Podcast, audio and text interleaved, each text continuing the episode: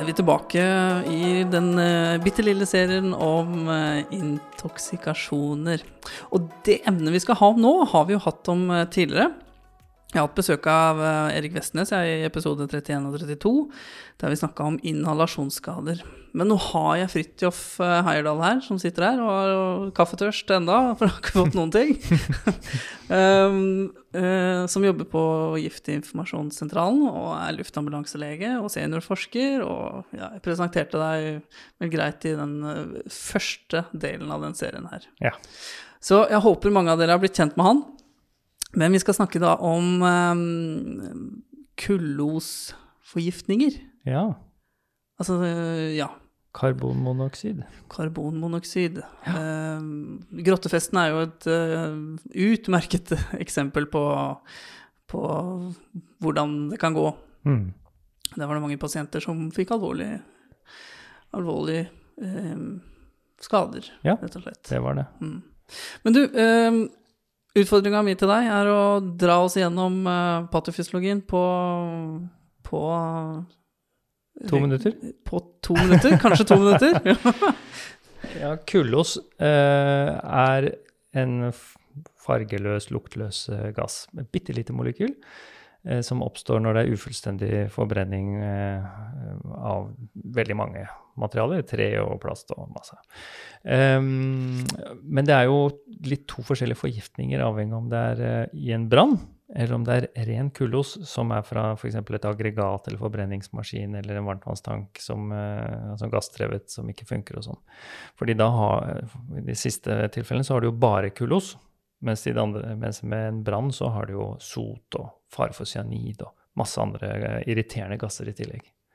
Um, men uansett så er kullos, et, det lille molekylet, det er noe som tas lett opp i lungene, og så fester det seg til hemoglobinet, der hvor oksygen skulle ha festet seg, og binder seg sterkere enn oksygen, sånn at det fortrenger transporten av oksygen rundt i blodet.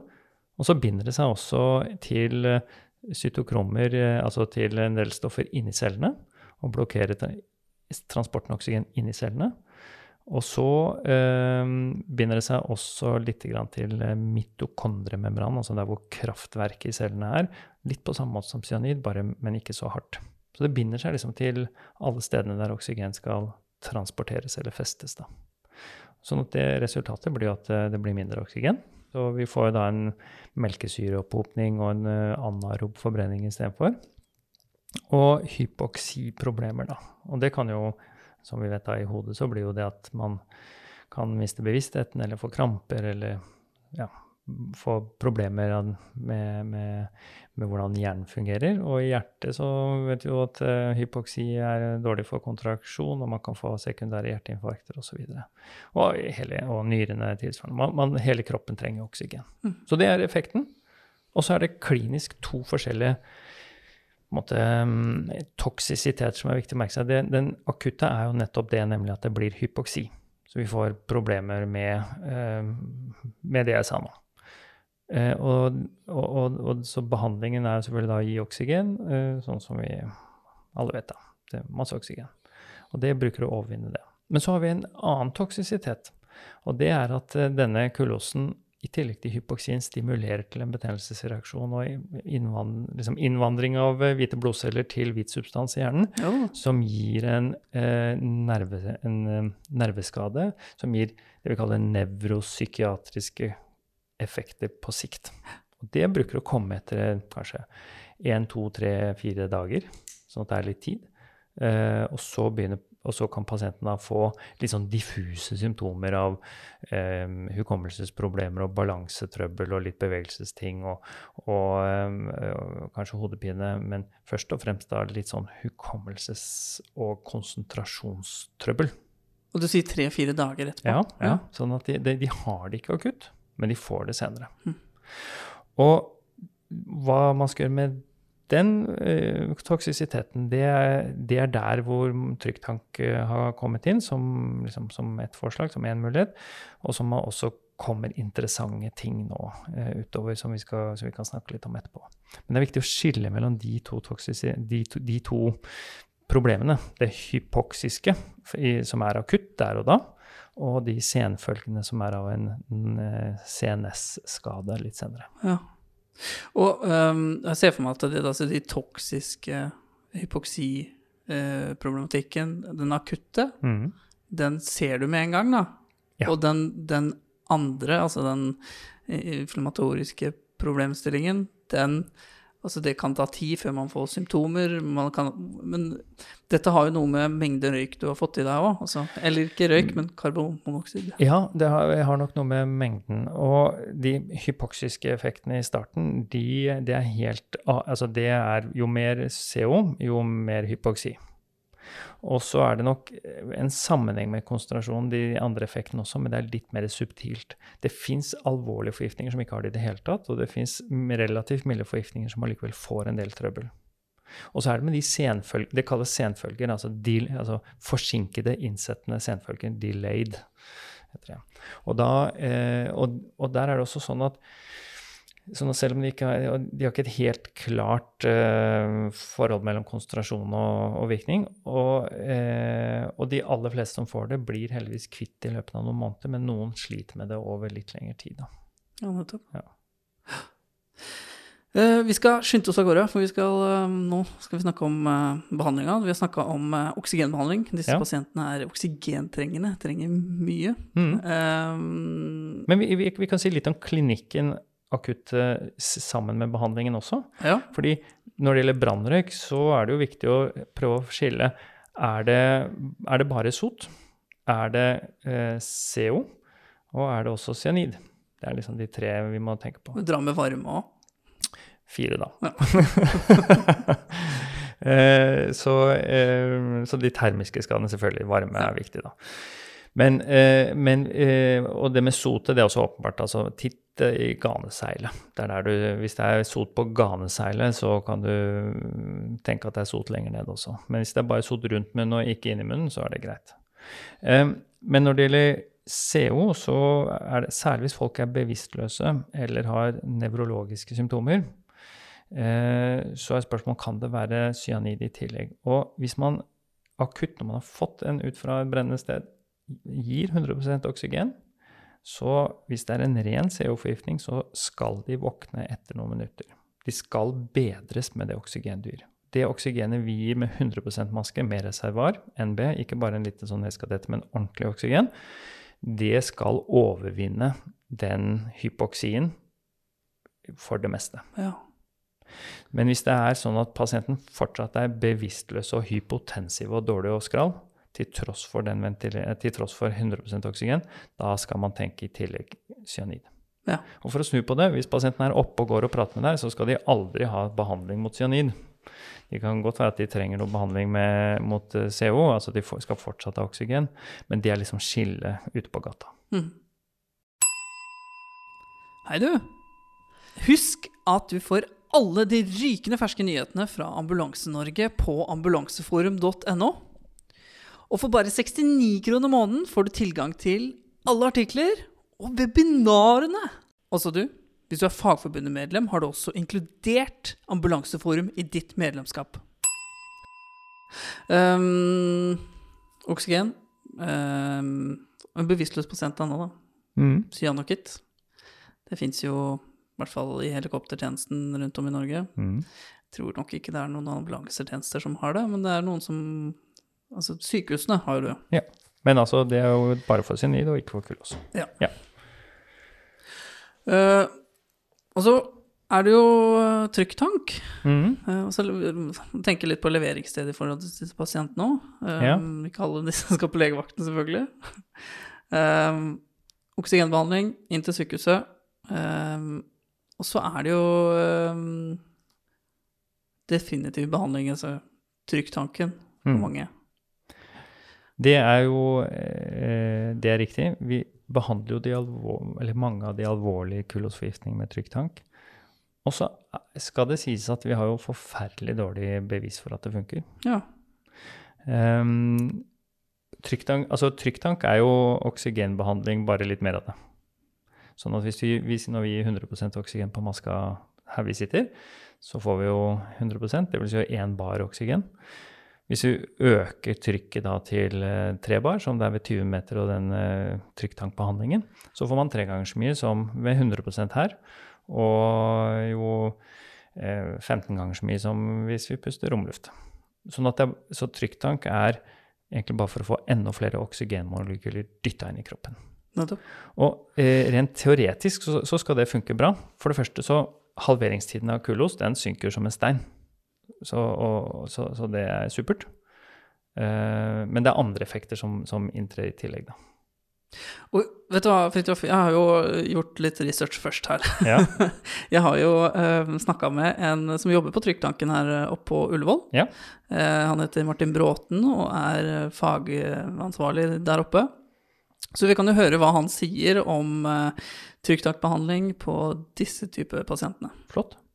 Det er de som har symptomer hvor vi mener at symptomene er begrunna i karbonmonoksid. Da. Så det er, det er vel så enkelt, egentlig. Så det som er viktig å si, og det har Så du vel alle da- som er røde i ansiktet og hoster litt. Det- ja det, Nei, kanskje at de, de er mer påvirka, da, ikke sant. Cerebralt på en eller annen måte. Eller eh, hvis de er vedvarende trøtte eller har vært bevisstløse, så vil vi ha lav terskel for det. Hvis de er vedvarende sløra bevissthet eh, eller bevisstløse, så, så vi, vil vi gjerne ha de raskt. Det er det vi har landa på. Det, det fins jo eh, i visse, noen tjenester så har man veldig sånn perkutan måling av HB-CO. eh, eller COHB. Dyre dingser. dingser. Dyre dingser, så de er ikke sånn eh, De finner dem ikke i hvert hanskerom, eh, liksom. Nei. Men noen ganger så får vi det. Men, men generelt, enten du tar en blodgass eller du tar en sånn, så er ikke det det avgjørende. Det, det tallet det har vi sett at har liten sammenheng med alvorlighetsgrad. Altså. Antagelig så, så det skjer jo en eller, Det har jo betydning, men viktigere er symptomene, altså. Så det er det avgjørende for oss. Eh, antagelig så har det her litt sånn eh, oppfører seg litt sånn som eh, visse legemidler, at det mettes litt mer. Det handler litt om hvor lenge du har vært eksponert for det og sånn. Så, eh, så vil det også kanskje ta lengre tid å gå ut. At ikke man skal se seg blind på det tallet hvis det er litt lavt, eller hvis det er veldig høyt og spektakulært og sånn. Det er det med symptomer som, eh, som er det viktigste, da. Så, men generelt, så når du nevnte det her med kontakt med oss og sånn på telefon, så, så vi er glad i å bli ringt, egentlig, og konferert. Så får vi heller takke nei hvis er, vi mener at det er noen andre som skal behandle det. Men, men vi, vi, man skal ikke være redd for å ta kontakt med oss, i hvert fall. Hmm.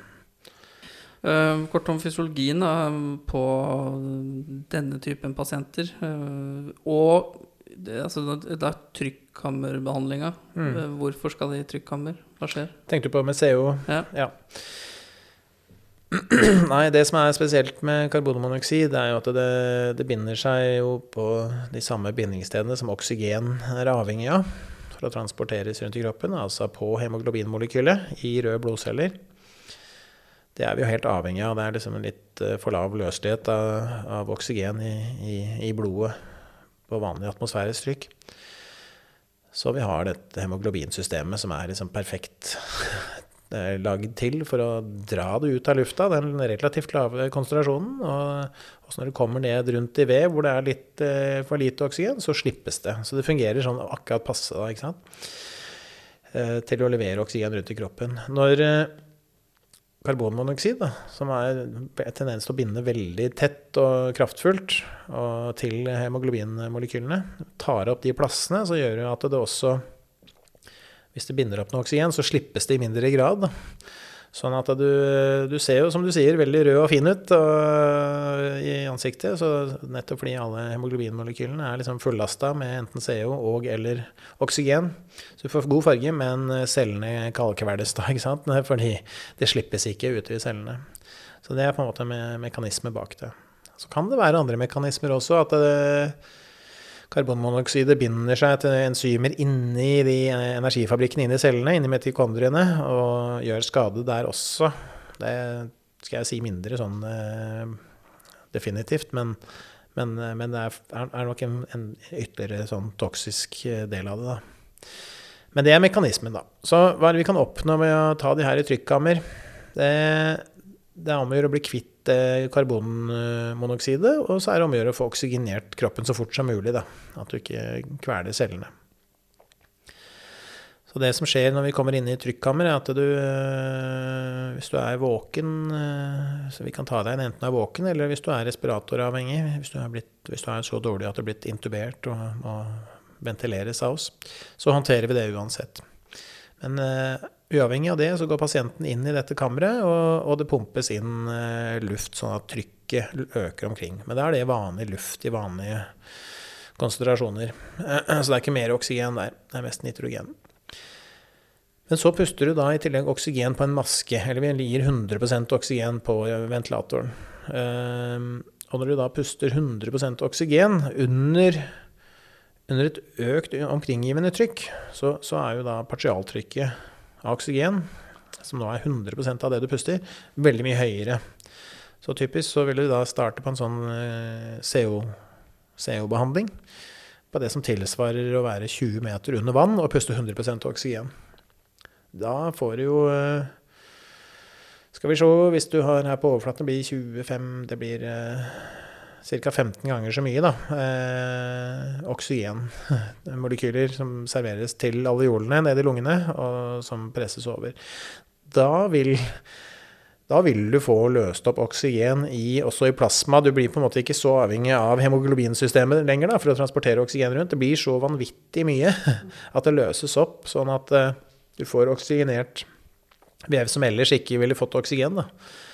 Eh, så det er gjort eksperimenter på griser og sånt i Nederland på 50-tallet, tror jeg, hvor de, hvor de, rett og slett tok ut all hemoglobinet og gjorde en sånn, bytta ut blodet med bare saltvann.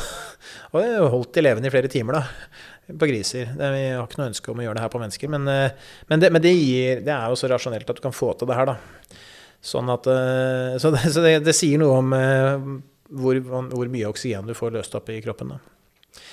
Og det andre som skjer da, er at det blir en veldig konsentrasjon med oksygen rundt hemoglobinmolekylene også, så da, da, vil det, selv om karbonmonoksid binder såpass kraftig til, så blir det vippa ut. Altså rett og slett ved en sånn masseregnskap, ikke sant. Og det er på engelsk kalt brute force. Du bare rett og slett med, med makt, altså tvinger de bort, ikke sant. Og så kan du puste ut det her mye raskere, da, når det her blir tvunget av Eh, hemoglobinmolekylene av så mye oksygen. Så da blir den såkalte halveringstida mye kortere. Det er litt forskjellige tall på det. Men eh, karbonmonoksid, hvis du puster Det er ganske effektivt å puste oksygen også bare i vanlig atmosfærisk trykk, så for all del gjør det i påvente at du kommer til trykkammeret. Eller uansett, når du har en CO-inntak, så gi mye oksygen. Så vil det hjelpe godt. Men du har allikevel på noen timer på en halvering da, sant, i konsentrasjoner. Så det tar mye lengre tid. Et sted mellom to og fem timer, avhengig av hvordan du behandler det. Mens i kammeret så er du da nede på I trykkammeret da, under den behandlingen jeg nevnte der, så er det en halveringstid på 20 eller kanskje 30 minutter. Vi ser det er liksom litt forskjellig fra pasient til pasient. Vi kan ta blodgasser og sende ut, og da, ser vi, da følger vi med på det. Og jeg har lest at du kan ha halveringstider ned mot 20 minutter, men jeg eh, observerer selv at det er ca. 30 minutter. Da. Så vi får veldig raskt et par halveringer. Det vil si at hvis du, hvis du har en COHB på 37 eller noe sånt, hvis du har en alvorlig Intox, så vil den komme ned på hva blir det, 18 ca. og 9 i løpet av det her. Og så har du fått litt behandling før, og, og du fortsetter litt etterpå også, da, og så tar det litt tid å gå ned og stige opp osv. ut av det kammeret. Så du, du, du, kommer deg veldig raskt ned på 5 eller 2, eller i praksis ganske, ganske raskt ned. Altså, innen, innen vi er ferdig med vår behandling, så har du i praksis blitt kvitt alt da, av COHB på, eh, på hemoglobinet og gjenoppretta mye raskere. da. Så selve den behandlingen, den, eh, den, går på 60 minutter. Og så tar det litt tid å komme ned til det dype. Det tar noen minutter, 7-8 minutter, og så noe tilsvarende for å komme opp igjen. da. Eller for å lette på trykket i der, da. Så det, ja. Så det, det, er veldig, det er den korteste behandlingen vi har. Da er det for eh, karbonmonoksid. Hmm. Kult. Ja, det er veldig kult. Ja, det er veldig tilfredsstillende å se hvor raskt du kan bli kvitt den giften. Da. Hmm. Hmm. Um, men um, oksygenbehandling Du kommer til uh, Altså, du, kom, du, du, du, kommer også til, uh, til, um, til målet, bare at det tar bare mye, mye, mye lengre tid. Nettopp. Sant? Ja. Ja, mm.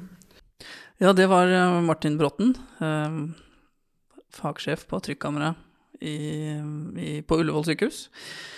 Du, øh, han var jo ganske Han forklarte egentlig ganske godt på hvorfor man eh, har eh, Får de pasientene inn i trykkammer, og at man da halverer tiden som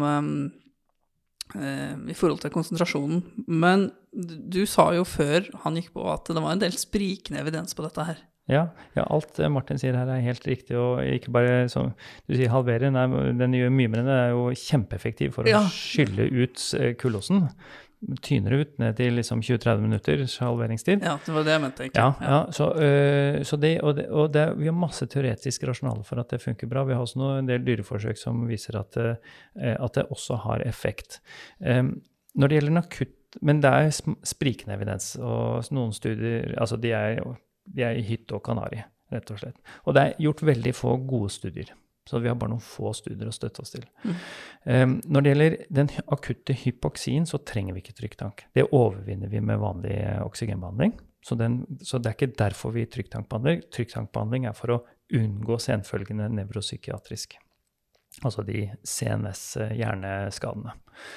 Og, eh, eh, og det er alle enige om. Og så, og så klarer man ikke å få vist dette i gode studier, at ja, det har faktisk effekt på sikt. Det fins én studie fra, fra 2001 fra en kar som heter Weaver, som viste at ja, dette er supert effekt, men det var masse tull med den studien også. Og så fins det en annen Jørnstein-studie fra Australia som viser at det er overhodet ikke effekt, det er bare farlig. Og så fins det noen midt imellom. Og litt interessant også, det finnes studier som viser at som ikke har sammenligning ikke, ikke trykktank med trykktank, men én versus to behandlinger. Og da sa det at de som fikk to behandlinger, de havnet verre ut enn de som fikk én. Ja. Så her har vi liksom et Blir litt forvirra av dette her, ja. ja, så her, så her veit vi ikke.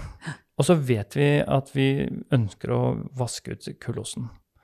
Eh, så det vi har bestemt oss for, at i all denne usikkerheten så behandler vi de mest alvorlige. De behandler vi i trykktank, så sant det ikke er noen grunner til å la være. Mm. Fly veldig langt, eller at de trenger annen medisinsk behandling sånn, kan være gode grunner for å la være. Så vi, vi vurderer det i hvert enkelt Ja, tilfelle. Og så er det jo også sånn at grunnen til at det funker, er åpenbart, men vi, vi, vi appliserer jo så mye oksygen at vi får nok en del oksygenskader. Altså oksygenradikaler, som det heter, friradikaler som ødelegger cellene. Det spiser kanskje opp effekten her. Og så har det kommet eh, andre behandlingsalternativer som jeg tror kommer til å bli aktuelle, men som heller ikke har nok evidens til å, til å liksom være gyldige ennå. Men det ene er såkalt hy normokapnisk hyperventilasjon. Og det betyr at man gir litt Det i den maskin som gir litt CO2 i innåndingsluften. Så man har en dypere og større ventilering med et større minuttvolum. Som gjør at man puster altså som en eh, eh, belg. Ikke sant? Men hvor, det, hvor da CO2-en holder seg Altså man hyperventilerer, men, men maskinen gjør at CO2 holder seg normalt likevel. Og da får man vasket ut like mye CO, som en trykktank. Altså man kommer ned i 20 minutters halveringstid på den. Og så gjenstår det å se er det bedre, da. Mm. Det vet vi ikke. Og så ser man at eh, disse senfølgene de i stor grad skyldes også at det er inflammasjon. Det er ikke bare hypoksi, men det er en kombinasjon av hypoksi og inflammasjon som gjør disse skadene. Så vi gjør nå masse MR-studier for å finne ut hva, liksom, hvordan ser det ut, og kan, vil antiinflammatorisk behandling hjelpe. F.eks. med steroider. Så det er også en ting som er på trappene. Så jeg tror at vi kommer til å få et skifte i hva vi gjør. Det kan være at tryggtank fortsetter å være en behandling, eller det kan være ikke. Vi vet ikke. Men det er veldig dårlig, det er dårlig evidens, og vi, enn så lenge beholder vi det. Og så ser vi hva de nye behandlingsmetodene gir. Nettopp. Så, men for prehospital virksomhet så, er det liksom, så fortsetter det å Det er oksygen 100% Snakk med en venn, dvs. Si en trykktanklege eller en eh, bakvakt på giftinformasjon. Men få inn på sykehus, følg blodgassene, få den akutte hypoksien ned ved å gi oksygen. Det, er, eh, det er behandlingen som fortsatt. Og den står ved lag. Da avslutta du med det. Du må videre, du. Jeg må det. Takk for nå. Og så, hvis det er noen som har noen eh, ønsker om hva vi kan prate om senere, så skal jeg prøve å invitere deg igjen. Fint. Og så prates vi da. Takk skal du ha. Takk for at du ville stille. Ha det. Ha det.